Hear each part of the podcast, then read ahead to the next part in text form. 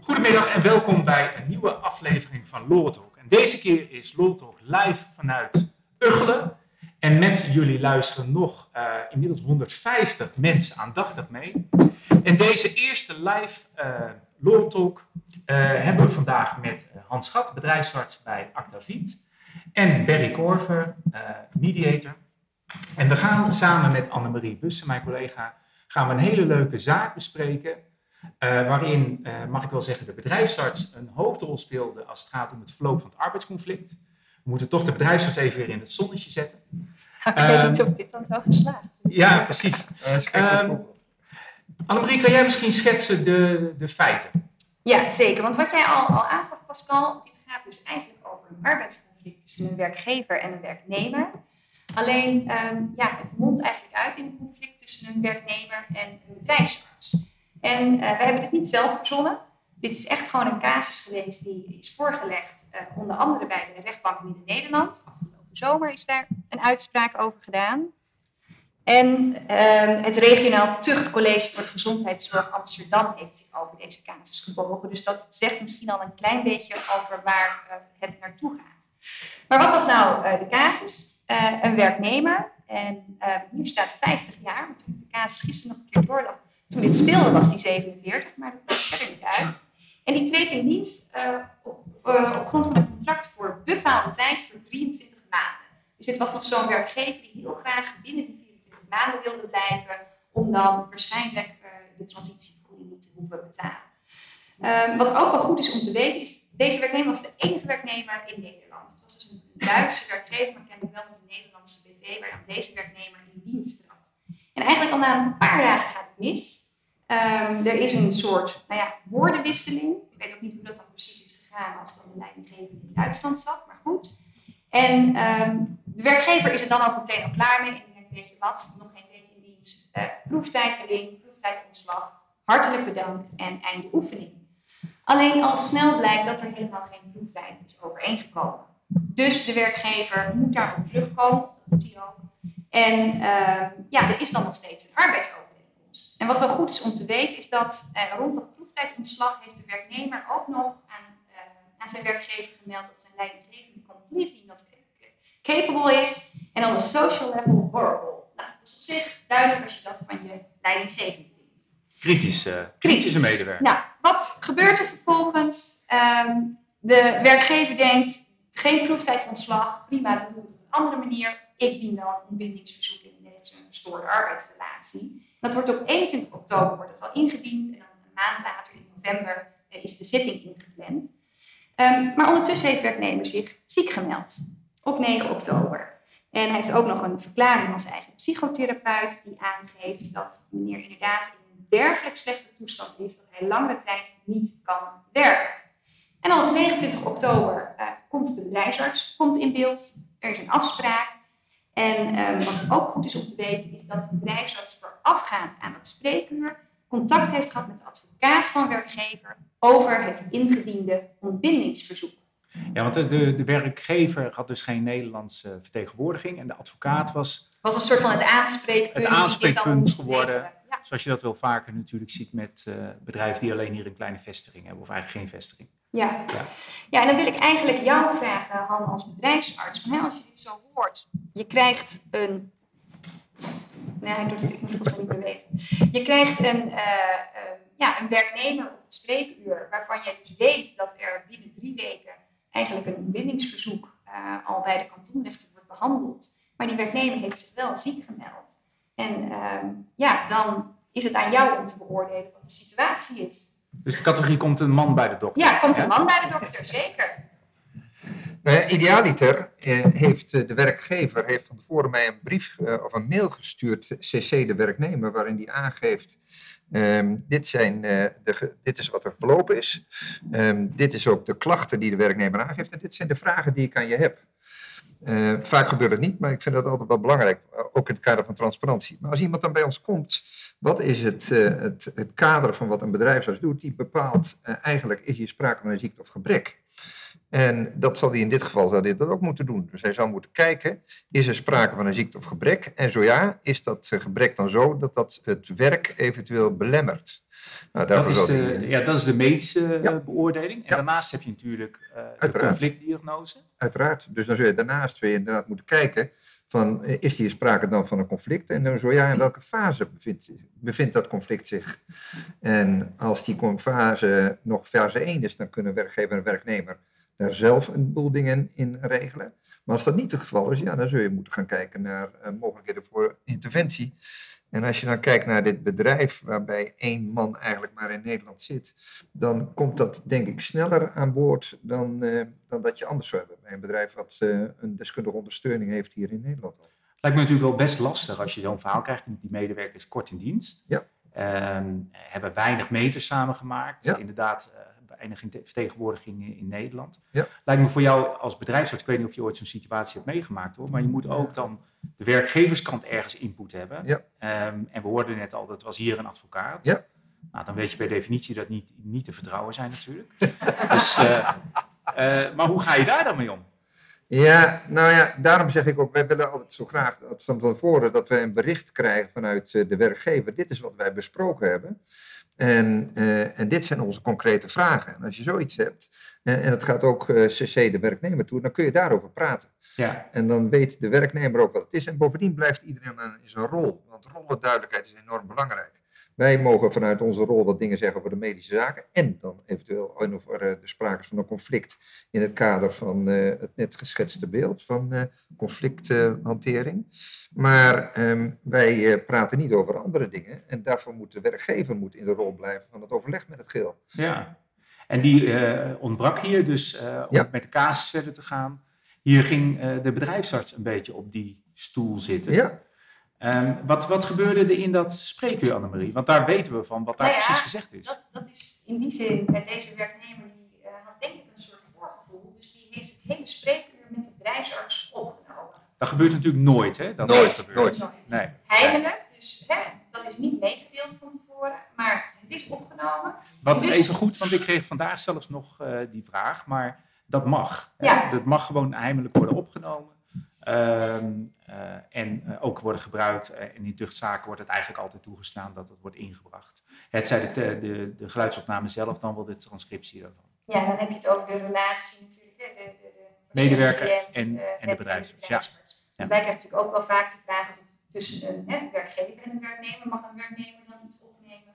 Nou, daarvan is ook de lijn, ja dat mag. Alleen als het niet meer over jou gaat, dan mag je niet meer als werknemer een, een opname maken. Ja. Plus het, uh, als het om een verstoorde verhouding gaat, dan zie je toch ook wel weer dat dat ergens wordt meegewogen. Nou, kennelijk durft u niet uh, gewoon aan te geven. Ik neem dit gesprek graag op, want er is informatie die anders niet goed blijft, blijft hangen. Maar omdat dat door deze werknemer dus werd gedaan, kunnen wij citeren, gewoon letterlijk uit wat er gezegd is. En um, als het goed is, komt het ook op de sheet, maar ik zal in ieder geval voor de luisteraars uh, proberen om het duidelijk voor te lezen. En dan ben ik nu de bedrijfsarts. Maar goed, tussen nu als werknemer en de werkgever, ja, het gaat nooit meer wat worden. Nee, dat wordt nooit meer wat. Er zit ook wel wat tijd tussen hoor, niet dat het helemaal exact zo is geweest. Maar goed, ja, de situatie is wel zo dat u als werknemer en werkgever zonder elkaar gelukkiger wordt dan met elkaar. Tussen u als werknemer en werkgever wordt het nooit meer wat. Dat gaat nooit meer werkbaar worden. Ik neem aan dat u zelf ook niet terug wilt bij het bedrijf en alles wat er gebeurd is. Nou, en dan zie je dat de werknemer tegen de bedrijfsarts zegt eigenlijk wel voor baanbehoud is. En dan gaat het gesprek toch door. Dan zegt de bedrijfsarts, maar deze baan wordt nooit meer wat. De werknemer zegt, nou ja, dat zegt u. Maar, en denk ik ook inderdaad wel, maar ik ben voor baanbehoud. Dan zegt de bedrijfsarts, nou ja, maar niet bij deze werkgever. Als u een baan wil hebben, dan zult u die anders moeten zoeken en niet bij deze werkgever. Dit wordt nooit meer wat. Dus ja, zie zo gauw mogelijk van elkaar af te komen. Dat is het enige verstand dat ik ervan kan zeggen. Ik ben ervan overtuigd dat dat voor uw gezondheid goed uit zal. Dat is wel een gezondheidskundig advies trouwens. Nou, het is, het is, het is heel duidelijk. Ja. Dus, hè, ja. Het is ook nog wel gemotiveerd. Ja. Ik heb ook eens geturfd, hè, nooit. Zeg nooit, nooit kreeg ik altijd te horen. Maar volgens mij wordt er wel zes of zeven keer door deze bedrijfsarts gezegd, het wordt nooit meer wat. Ja. Um, en dan gaat de bedrijfsarts nog verder. Die zegt, nou ja, uh, mediation, dat vind ik in deze situatie een zinloze formaliteit. Dus um, nou, dat, uh, dat adviseert hij ook niet. Je ziet wel dat de bedrijfsarts ook kennis neemt van wat kennelijk de klinisch psycholoog, psychotherapeut al heeft aangegeven over deze werknemer. En dat was dat hè, deze werknemer in een dergelijk slechte toestand is dat hij op dit moment en voor aanzienlijk langere tijd niet in staat is om werk te verrichten. Ehm, en uiteindelijk is dan de conclusie van de bedrijfsarts situatief arbeidsongeschikt. Oftewel, tot 15 november um, is deze werknemer arbeidsongeschikt. En, en naar zijn inschatting zou klagen, dus een paar weken weer beter zijn. Even weer scherp hebben, de ontbindingszitting die op 18 november zijn. Dus eigenlijk zegt deze bedrijfsarts, nou, drie dagen voor de zitting ben jij wel weer beter. Uh, dan komt er een probleemanalyse. En daarvan krijgt de werknemer geen inzet. En uh, nou, die kunnen we uh, wel oplezen, maar het gaat erom dat er wordt gezegd door de bedrijfsarts, gezien alle ontwikkelingen tot nu toe, valt, valt te voorzien dat de enige mogelijke oplossing van de spanningen die werknemer ervaart, is toe te zeggen om vrij te stellen van arbeid en een einde te maken aan de arbeidsovereenkomst. En er staat ook nog bij dat de werknemer zich kan vinden in het advies, terwijl we natuurlijk net gezien wat de werknemer heeft gereageerd. Ja, Han, wat vinden we hiervan? Ja, spannende discussie die daar is, eh, is gevoerd door de collega bedrijfsarts. Um, kijk, wat je uiteindelijk hebt is, je hebt een, uh, we moeten weer gaan kijken, is hier sprake van ziekte of gebrek? En is hier dan sprake van een conflict? ik zie dat de collega bedrijfsarts een mening geeft over een mediation. Ik zeg altijd bij mensen, ja, ik weet van de medische kant weet ik wat dingen, maar van andere zaken weet ik niet. Mijn buurman weet daar veel meer vanaf. En, uh, um, maar, uh, en ik zeg ook altijd, nou ja, uh, je moet een timmerman niet vragen wat een metselwerk in een huis is. Want daar is de timmerman niet voor. En dus als dat soort dingen op een gegeven moment gebeuren en je komt in zo'n conflict wat zo duidelijk aanwezig is, ja, dan is dat wel iets waarvoor je moet afvragen of je dat soort dingen moet zeggen. En bovendien überhaupt, die zaken die er wordt gezegd van al na zes minuten van, nou ja, krassen maar op.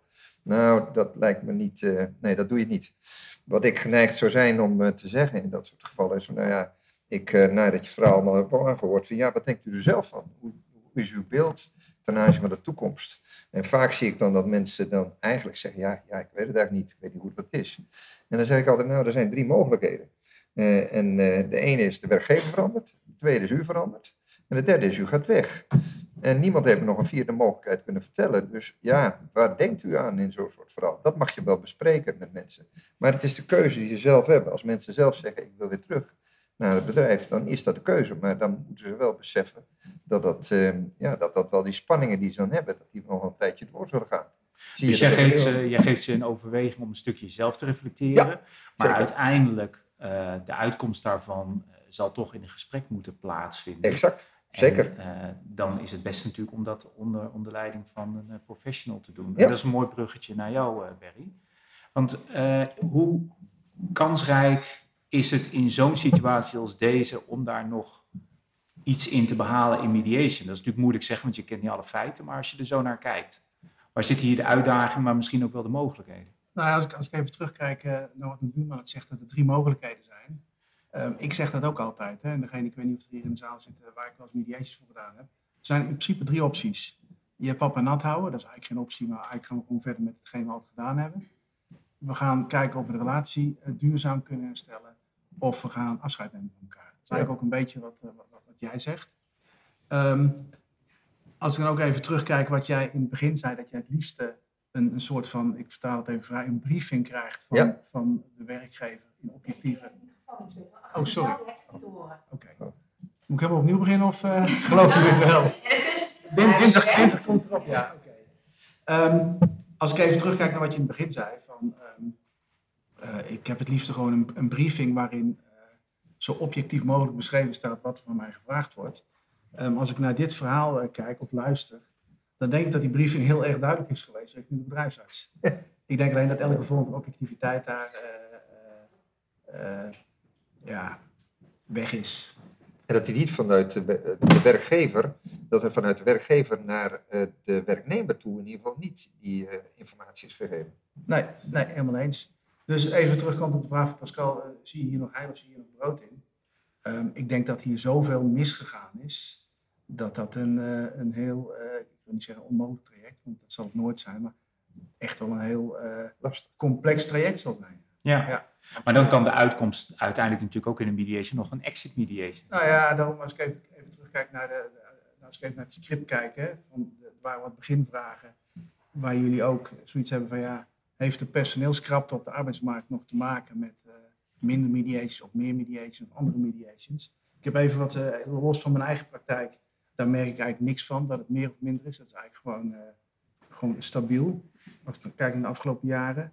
Ehm, als ik kijk naar de jaren 2011, 2021 heb ik even opgezocht, dan zit er, eh, zit er een stijging van 17% per jaar aan mediations in. En zijn dat arbeidsmediations of mediations in het algemeen? Nee, arbeidsmediations. Arbeidsmediations. Oké. En eh, een stijging van 13% per jaar als het gaat om exit mediations. Oké. Dus Maar betekent dat dan dat er meer conflicten zijn of betekent dat dat de weg naar de mediator? Of en dat er rechter. misschien Ja. af, daardoor een afname is en misschien ontwikkelingssbeschikkingen. nou ja, ik denk dat wat dat betreft het, het, eh, de weg naar de me- mediation wel steeds meer gevonden gaat worden. Waarbij ik ook heel, heel eerlijk moet zeggen, ehm, best wel veel mediationzaken zouden eigenlijk ook wel intern afgehandeld kunnen worden.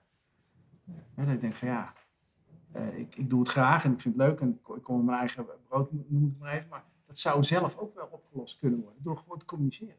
Ja. Maar komt men dan bij jou omdat het dan geadviseerd is door misschien een bedrijfsarts of, of zegt? Eh, ja, beide. Eh, De bedrijfsartsen eh, schrijven dat voor of adviseren dat. Maar ook merk ik eh, bij, bij een aantal grote klanten van me, als daar een probleem is, dat ze gewoon zeggen, joh, we gaan het gelijk extern eh, onderbrengen. Dus bel, eh, bel of mail Berry maar. Het is een beetje van, eh, we, we schuiven het van ons af.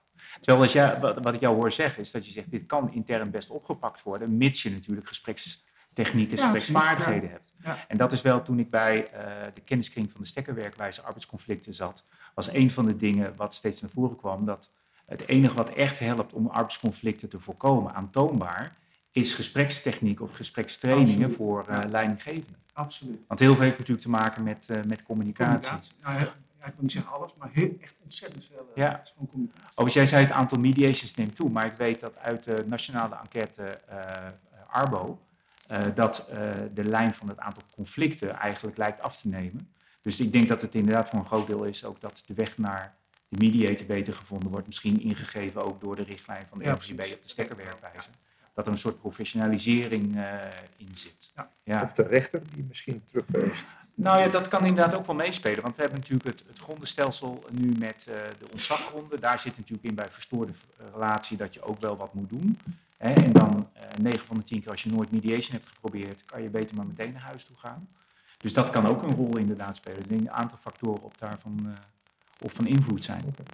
Maar hier, hier werd dus eh, in eerste instantie dus geen mediation geadviseerd. Maar ging het richting eh, de rechter. Ja, En de rechter zei van eh, opzegverbod, hup naar huis. nou volgens mij zei de rechter, het is niet ernstig en duurzaam verstoord.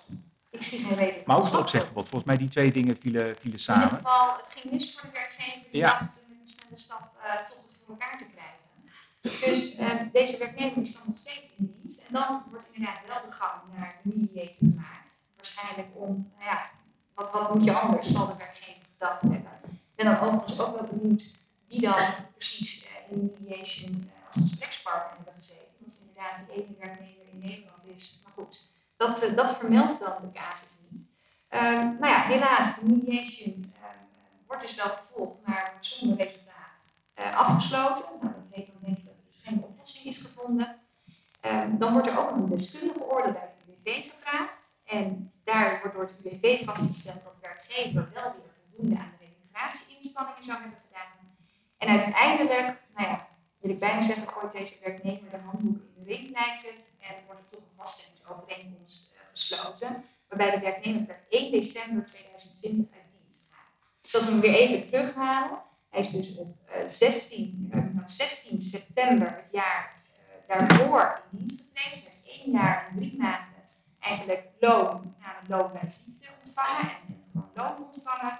Ehm, en dan ehm, is het, eh, nou, eind goed, al goed, is eigenlijk mijn vraag. Ja, want ik bedacht me nog wel, die vaststellingsovereenkomst die is dus buiten mediation eh, gesloten. Ja, Als je kijkt naar jouw praktijk, Berry, hoe vaak sluiten mediations af met een vaststellingsovereenkomst of als je kijkt naar, is toch werkervatting. Eh, kan je daar iets over zeggen? Nou, ik denk toch wel 80-20. 80% VSO, Ja. 20% kan voorzet. 75, 25 zijn, maar 80-20. echt. Ja. Ja. Dus meestal is toch al, word je op een dusdanig moment ingeschakeld dat je eigenlijk al een beetje in fase 3 zit, dat het eh, einde verhaal is. Ligt, ook, vaak- ligt ook wel een beetje aan de, aan de, de sector waar je, waar je in zit. Hè. Kijk, als je de wat, ik noem het wat hardere eh, opdrachtgevers hebt, en bedoel niet hard qua persoonlijkheid, maar hard qua business, dan is het wat eerder eh, eh, richting exit dan als de wat, wat, ja, wat meer softere eh, sectoren. Die proberen nog wel eens de relatie te, te herstellen. Die, die schakel je ook op een iets eerder moment in.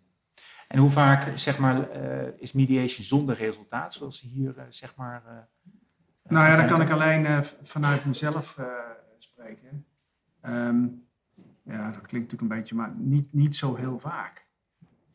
Bij mij in ieder geval niet. Oké, dus lukt jou in ieder geval wel eh, om een 9 van de 10 keer een, Ja. een oplossing te bereiken. Ja, absoluut. Ja. En dat kan ook exit zijn, hè? Maar Ja. dan in ieder geval wel waar beide ehm, nou ja, een zo goed mogelijk gevoel over hebben. Ja. ja. Nou ja, uiteindelijk hier werd het dus een vaststellingsovereenkomst. En zou je inderdaad zeggen van so far so good. Maar deze werknemer was nog niet klaar. In ieder geval niet met de bedrijfsarts. Niet met de bedrijfsarts. Nee. Of wel met de bedrijf. Ja, niet met de bedrijfsarts. Ja. Kijk, als, misschien nog even één ding mag zeggen over de mediation. eh, de mediation is natuurlijk mislukt. Of natuurlijk, ja, ik denk het deed gewoon natuurlijk. Omdat mediation eh, eh, heel veel te maken heeft met vertrouwen. En het vertrouwen was natuurlijk vanaf het begin. En eigenlijk alles wat er daarna gebeurt is gewoon weg.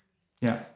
Dus dat die mediation niet gelukt is, dat verbaast me eh, in deze niks. Nou, maar ik denk dat mediation, eh, is mediation gelukt. Ehm, was het ook geweest als daar wel mogelijk een vaststellingsovereenkomst was gesloten. Maar Ja. kennelijk konden partijen daar ook niet over eens worden. En was daar toch ook weer een half jaar langer dan voor nodig. Om uiteindelijk wel eh, vast te kunnen stellen en te houden op tussen ons. Maar deze werknemer dacht van ik sluit het af met de werkgever en ik ga Ja. lekker door met de bedrijfsarts. Toch? Ja, dat was, dat was wat er gebeurde. Want Want, hij had, hij had, had inmiddels een, eh, een klacht ingediend bij het regionaal terugcollege voor de gezondheidszorg. Amsterdam was het ik. ja, En daar waren eh, vier klachtgronden. En eentje daarvan ging over de, de inzet van, eh, van mediation. Ja, eigenlijk was de eerste klacht inderdaad van dat er geen medewerking was verleend aan een second opinion. Want dat was ook nog wat deze werknemer had gevraagd. Ja. Van, nou, ik wil, ik wil een second opinion. En ehm, klacht onderdeel 2 zag erop dat de stekkerwerkwijzer en de richtlijn van de NVAB helemaal niet was opgevolgd wat betreft mediation.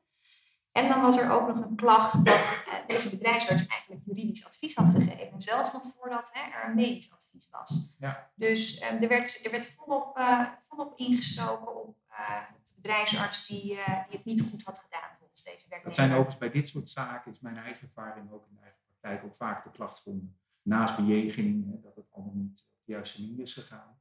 Ehm, maar hier was het terugcollege best duidelijk over wat, eh, wat de bedrijfsarts eh, had gedaan. Jazeker, de, de, tuchtcollege die, eh, nou, ik wil niet zeggen was er snel klaar mee, maar die zegt echt wel in hele duidelijke woorden eigenlijk wat de bedrijfsarts zelf deed. Van, hè, nooit dit, nooit zus. Zegt van nou, het is, deze bedrijfsarts heeft zich evident buiten zijn vakgebied begeven door een oordeel in de prognose van een mediation te geven. Volgens mij gaf deze bedrijfsarts ook aan, ja, maar ik heb zelf het handboek mediation ken ik.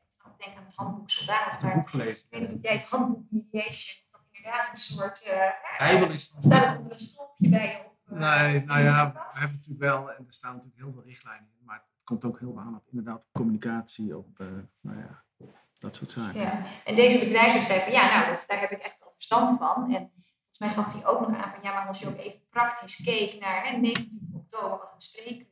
Ik wist dat 18 november dat de zitting al zou zijn. Ja, het zou praktisch ook niet eens haalbaar zijn geweest. Eh, dus nou ja, die bleef wel vasthoudend bij ook het tuchtcollege bepleiten waarom hij vond dat hij wel degelijk iets over, hè, over mediation wat zinloos zou zijn geweest mocht zeggen. Ehm, en het college rekent de bedrijfsarts ook zwaar aan dat hij zonder terughoudendheid advies op het terrein van mediation en het recht heeft gegeven. Deze terreinen vallen niet binnen het competentiegebied van een bedrijfsarts. Indringend en vasthoudend heeft hij dit tijdens het spreekuur gedaan. Daarbij heeft hij zich er geen rekenschap van gegeven dat een spreker in een ongelijkwaardigheidsrelatie plaatsvindt en dat aan zijn oordelen als snel waarde zal worden gehecht door een werknemer of patiënt. Ehm, plus, wat ook nog wel heel expliciet wordt benoemd, is van ja, hè, bij een arbeidsconflict, dan moet je als bedrijfsarts onafhankelijk blijven en je daar niet in begeven. Dat is eigenlijk wat ik jou ook Ja. hoorde zeggen, Han. Ehm, plus, en dat nou ja, is volgens mij eh, niet voor niks dat dat wordt opgemerkt, is dat het tuchtcollege zegt ja, maar ook op zitting ehm, kan deze bedrijfsarts nog steeds niet reflecteren. Die vindt nog steeds dat wat hij gedaan heeft, dat dat, dat, dat kon, dat hij daar een goed verhaal bij heeft. En hij heeft er weinig blijk van gegeven dat hij eh, gereflecteerd heeft op zijn handelen en dat hij ernstige fouten heeft gemaakt. Want hij bleef maar benadrukken op de zitting, ik voldoende kennis van mediation, et cetera. Plus zegt het regionaal tuchtcollege, eh, dit was niet de eerste keer. Eh, we kennen deze meneer al, die heeft in 2015 ook al een keer een, eh, een klacht aan zijn broek gehad, waarbij er toen een berisping is opgelegd en er ook geen enkel inzicht was in het handelen. En dus zegt het tuchtcollege, we kunnen niet anders oordelen dan dat we ook deze keer weer een berisping opleggen. Ja, want dat, dat zie je natuurlijk wel vaker bij tuchtzaken. Tucht gaat over kwaliteit. Ehm, ook al voelt dat niet altijd zo natuurlijk. Ehm, maar op het moment dat je daar niet toetsbaar eh, op stelt, eh, de kans dat je dan even plat gezegd een dauw krijgt, is, is best groot. Zeker is mijn ervaring door de collega's die in het tuchtcollege zitten, de collega-artsen, die zijn daarin eh, niet mals. Nee. En dat was in dit geval eh, dus ook zo, ehm, want dit was een eh, berisping. Eh, Ja. En er werd niet in hoge beroep gegaan. Vanwege de tijd gaan we er iets eh, sneller doorheen. Ehm, maar deze medewerker die vond dat nog steeds niet genoeg. Nee, nog steeds niet. eh, eh, nu is het goed genoeg. Die dacht, dit heb ik binnen, maar dit, dit verhaal ga ik ook gebruiken, nu ook weer bij de civiele rechter. Want ik ga schadevergoeding vorderen. Ik ga de bedrijfsarts eh, ga ik dagvaarden. En ik ga materiële en immateriële schadevergoeding claimen. Want eh, hè, omdat deze bedrijfsarts tuchtrechtelijk verwijtbaar heeft gehandeld, eh, heeft hij eigenlijk eh, versterkt dat er hè, een nog groter conflict is ontstaan met mijn werkgever. En daardoor is mijn dienstverband eerder beëindigd. Want eigenlijk had ik 23 maanden contract. En nu is daar eigenlijk een jaartje, of in ieder geval negen, af- volgens mij negen maanden, zijn ervan afgesnoept. En ik ben ziek eh, geworden. En ik ben ziek mijn geworden, ja. Dus er wordt een materiële schadevergoeding gevorderd en een immateriële En wat je dan ziet is dat de, eh, de kantonrechter, dus de civiele rechter, die zegt van nou, ik, ik ga eigenlijk eh, dit handelen, ga ik op dezelfde manier toetsen zoals het regionaal tuchtcollege het heeft getoetst. Dus ik, ehm, ik hou dezelfde normen ik aan.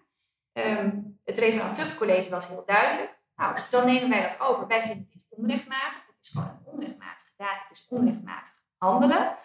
Alleen vervolgens, nou ja, wordt de bedrijfsarts wel niet een soort van zeggen, gered. Alleen bij de volgende stap wordt er dan door de rechter gezegd: ja, maar er moet wel ook een kausaal verband zijn tussen de schade die wordt gevorderd en wat de bedrijfsarts heeft gedaan.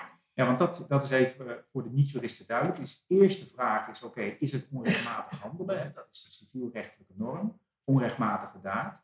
Daarvan zegt de rechter, heb je als redelijk handelend en bepaalde bedrijfsarts opgetreden? En die norm is hetzelfde als de toetsingsnorm die het tuchtcollege heeft toegepast. Ja. In de praktijk wordt gezegd, daar zit een verschil tussen. Maar de rechtbank zegt in dit geval, de bedrijfsarts heeft niet aangegeven waarom ik dat anders zou moeten zien. En ik pak dat als hetzelfde. Dus omdat het tuchtcollege heeft gezegd, je hebt niet als redelijk handelend en bepaalde bedrijfsarts opgetreden, neem ik ook aan dat je daarmee onrechtmatig hebt gehandeld. De vervolgvraag bij onrechtmatige daad is natuurlijk altijd, is er sprake van schade? En ja, is er een kausaal verband met het handelen? En daar ontglipt deze bedrijfsarts eh, aan, deze, aan deze rechter, zou je kunnen zeggen, of aan een medewerker, omdat het kausaal verband ontbreekt Ja. tussen dat spreekuur en uiteindelijk dat hij eerder zijn baan kwijtgeraakt is. Omdat de rechter heeft daartussen nog gezeten, die heeft het verzoek afgewezen. Ja, en daarvan wordt gezegd eigenlijk hè, door, die, door die rechter, door die ontbindingsbeslissing dat er niet werd ontbonden, heeft de arbeidsovereenkomst zelfs nog weer wat langer geduurd. En dat spreekuur was van daarvoor. En daarna heeft de bedrijfsarts ook helemaal geen bemoeienis meer gehad met deze werknemer. En daarna nog eens in mediation. Dus er zit veel stappen tussen Ja. totdat, voordat het tot ontslag kwam en voordat dus de schade is ingetreden. Dus die materiële schade, daar kwam het niet meer weg. Maar toen kwam het tot immateriële schade. En ik krijg de indruk, ik weet niet hoe jij die uitspraak hebt gelezen, maar ik krijg echt de indruk dat die rechter zegt, ja, maar daar laat ik je niet meer weg. Nou, Vriend. Dat denk ik ook. Ik denk dat dat inderdaad een beetje de overweging is geweest. Plus dat je ook in deze uitspraak weer terugleest dat de bedrijfsarts op geen enkele manier heeft laten zien op zitting bij deze rechter dat hij toch wel inzag dat het misschien, hè, dat hij nu twee jaar later wel inzag dat het anders had gemoeten. Want dat lees je ook weer terug, dat er weer geen reflectie is. En dus zegt deze uh, rechter van ja, door het optreden van de bedrijfsarts is er geestelijk letsel ontstaan. En wel in de, in de vorm van een depressie. En dat hij mogelijk ook al eerder bekend was met een psychische aandoening. Ja, dat staat er niet aan in de weg dat, uh, hè, dat er nu sprake is geweest van een verslechtering van die psychische gesteldheid. En daardoor is het vertrouwen in de rechtsstaat geschonden. En nou ja, daar kennen wij smartengeld voor, want dat heeft ook de functie om het vertrouwen weer enigszins te herstellen. En um, nou ja, wat ik al zei, beste bedrijfsarts, jij laat niet zien dat je hiervan geleerd hebt. Dus ik ga immateriële schadevergoeding ga ik toekennen. Ja, het staat er al. Vervolgens is dat een bedrag van 750 euro. Dus eh, volgens mij was onze conclusie al van, nou ja, wie is hier misschien dan toch nog uiteindelijk de lachende derde? Maar ja, ik denk dat die, die bedrijfsarts in die drie uurtjes uh, dat hij die, die zitting heeft gedaan, meer geld kwijt is geraakt dan uh, die immateriële schadevergoeding. Dit is natuurlijk een beetje een nat klappertje wat er achteraan komt. het, het, het is een signaal. Het, het is, is, volgens mij een soort signaal. Ja. Um, dus uiteindelijk ja, komt die kantonrechter of die, uh, die bedrijfsarts met de schik vrij, denk ik. Maar toch, uh, als je hier naar kijkt, wat, wat, wat zijn jouw gedachten daarbij? Even los van het handelen, maar. Um... Ja, weet je, het is, uh, er zit een heel juridisch traject wat er uiteindelijk uit is gekomen. Daar word ik nooit vrolijk van, van juridische trajecten, maar dat is begrijpelijk.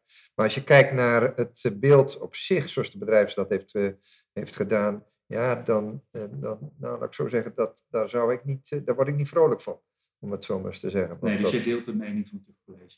Ja, ik deel wel de mening dat hij dat dit soort dingen in ieder geval heel anders had moeten aanvliegen. Ja. Kijk, het, het, is wel mijn ervaring dat ook, uh, nou ja, we weten als er op een gegeven moment een, uh, als er klachten zijn of, of geen klachten zijn, of als er een ziektebeeld is of geen ziektebeeld, maar je zegt toch, uh, we moeten weer wat dingen gaan doen.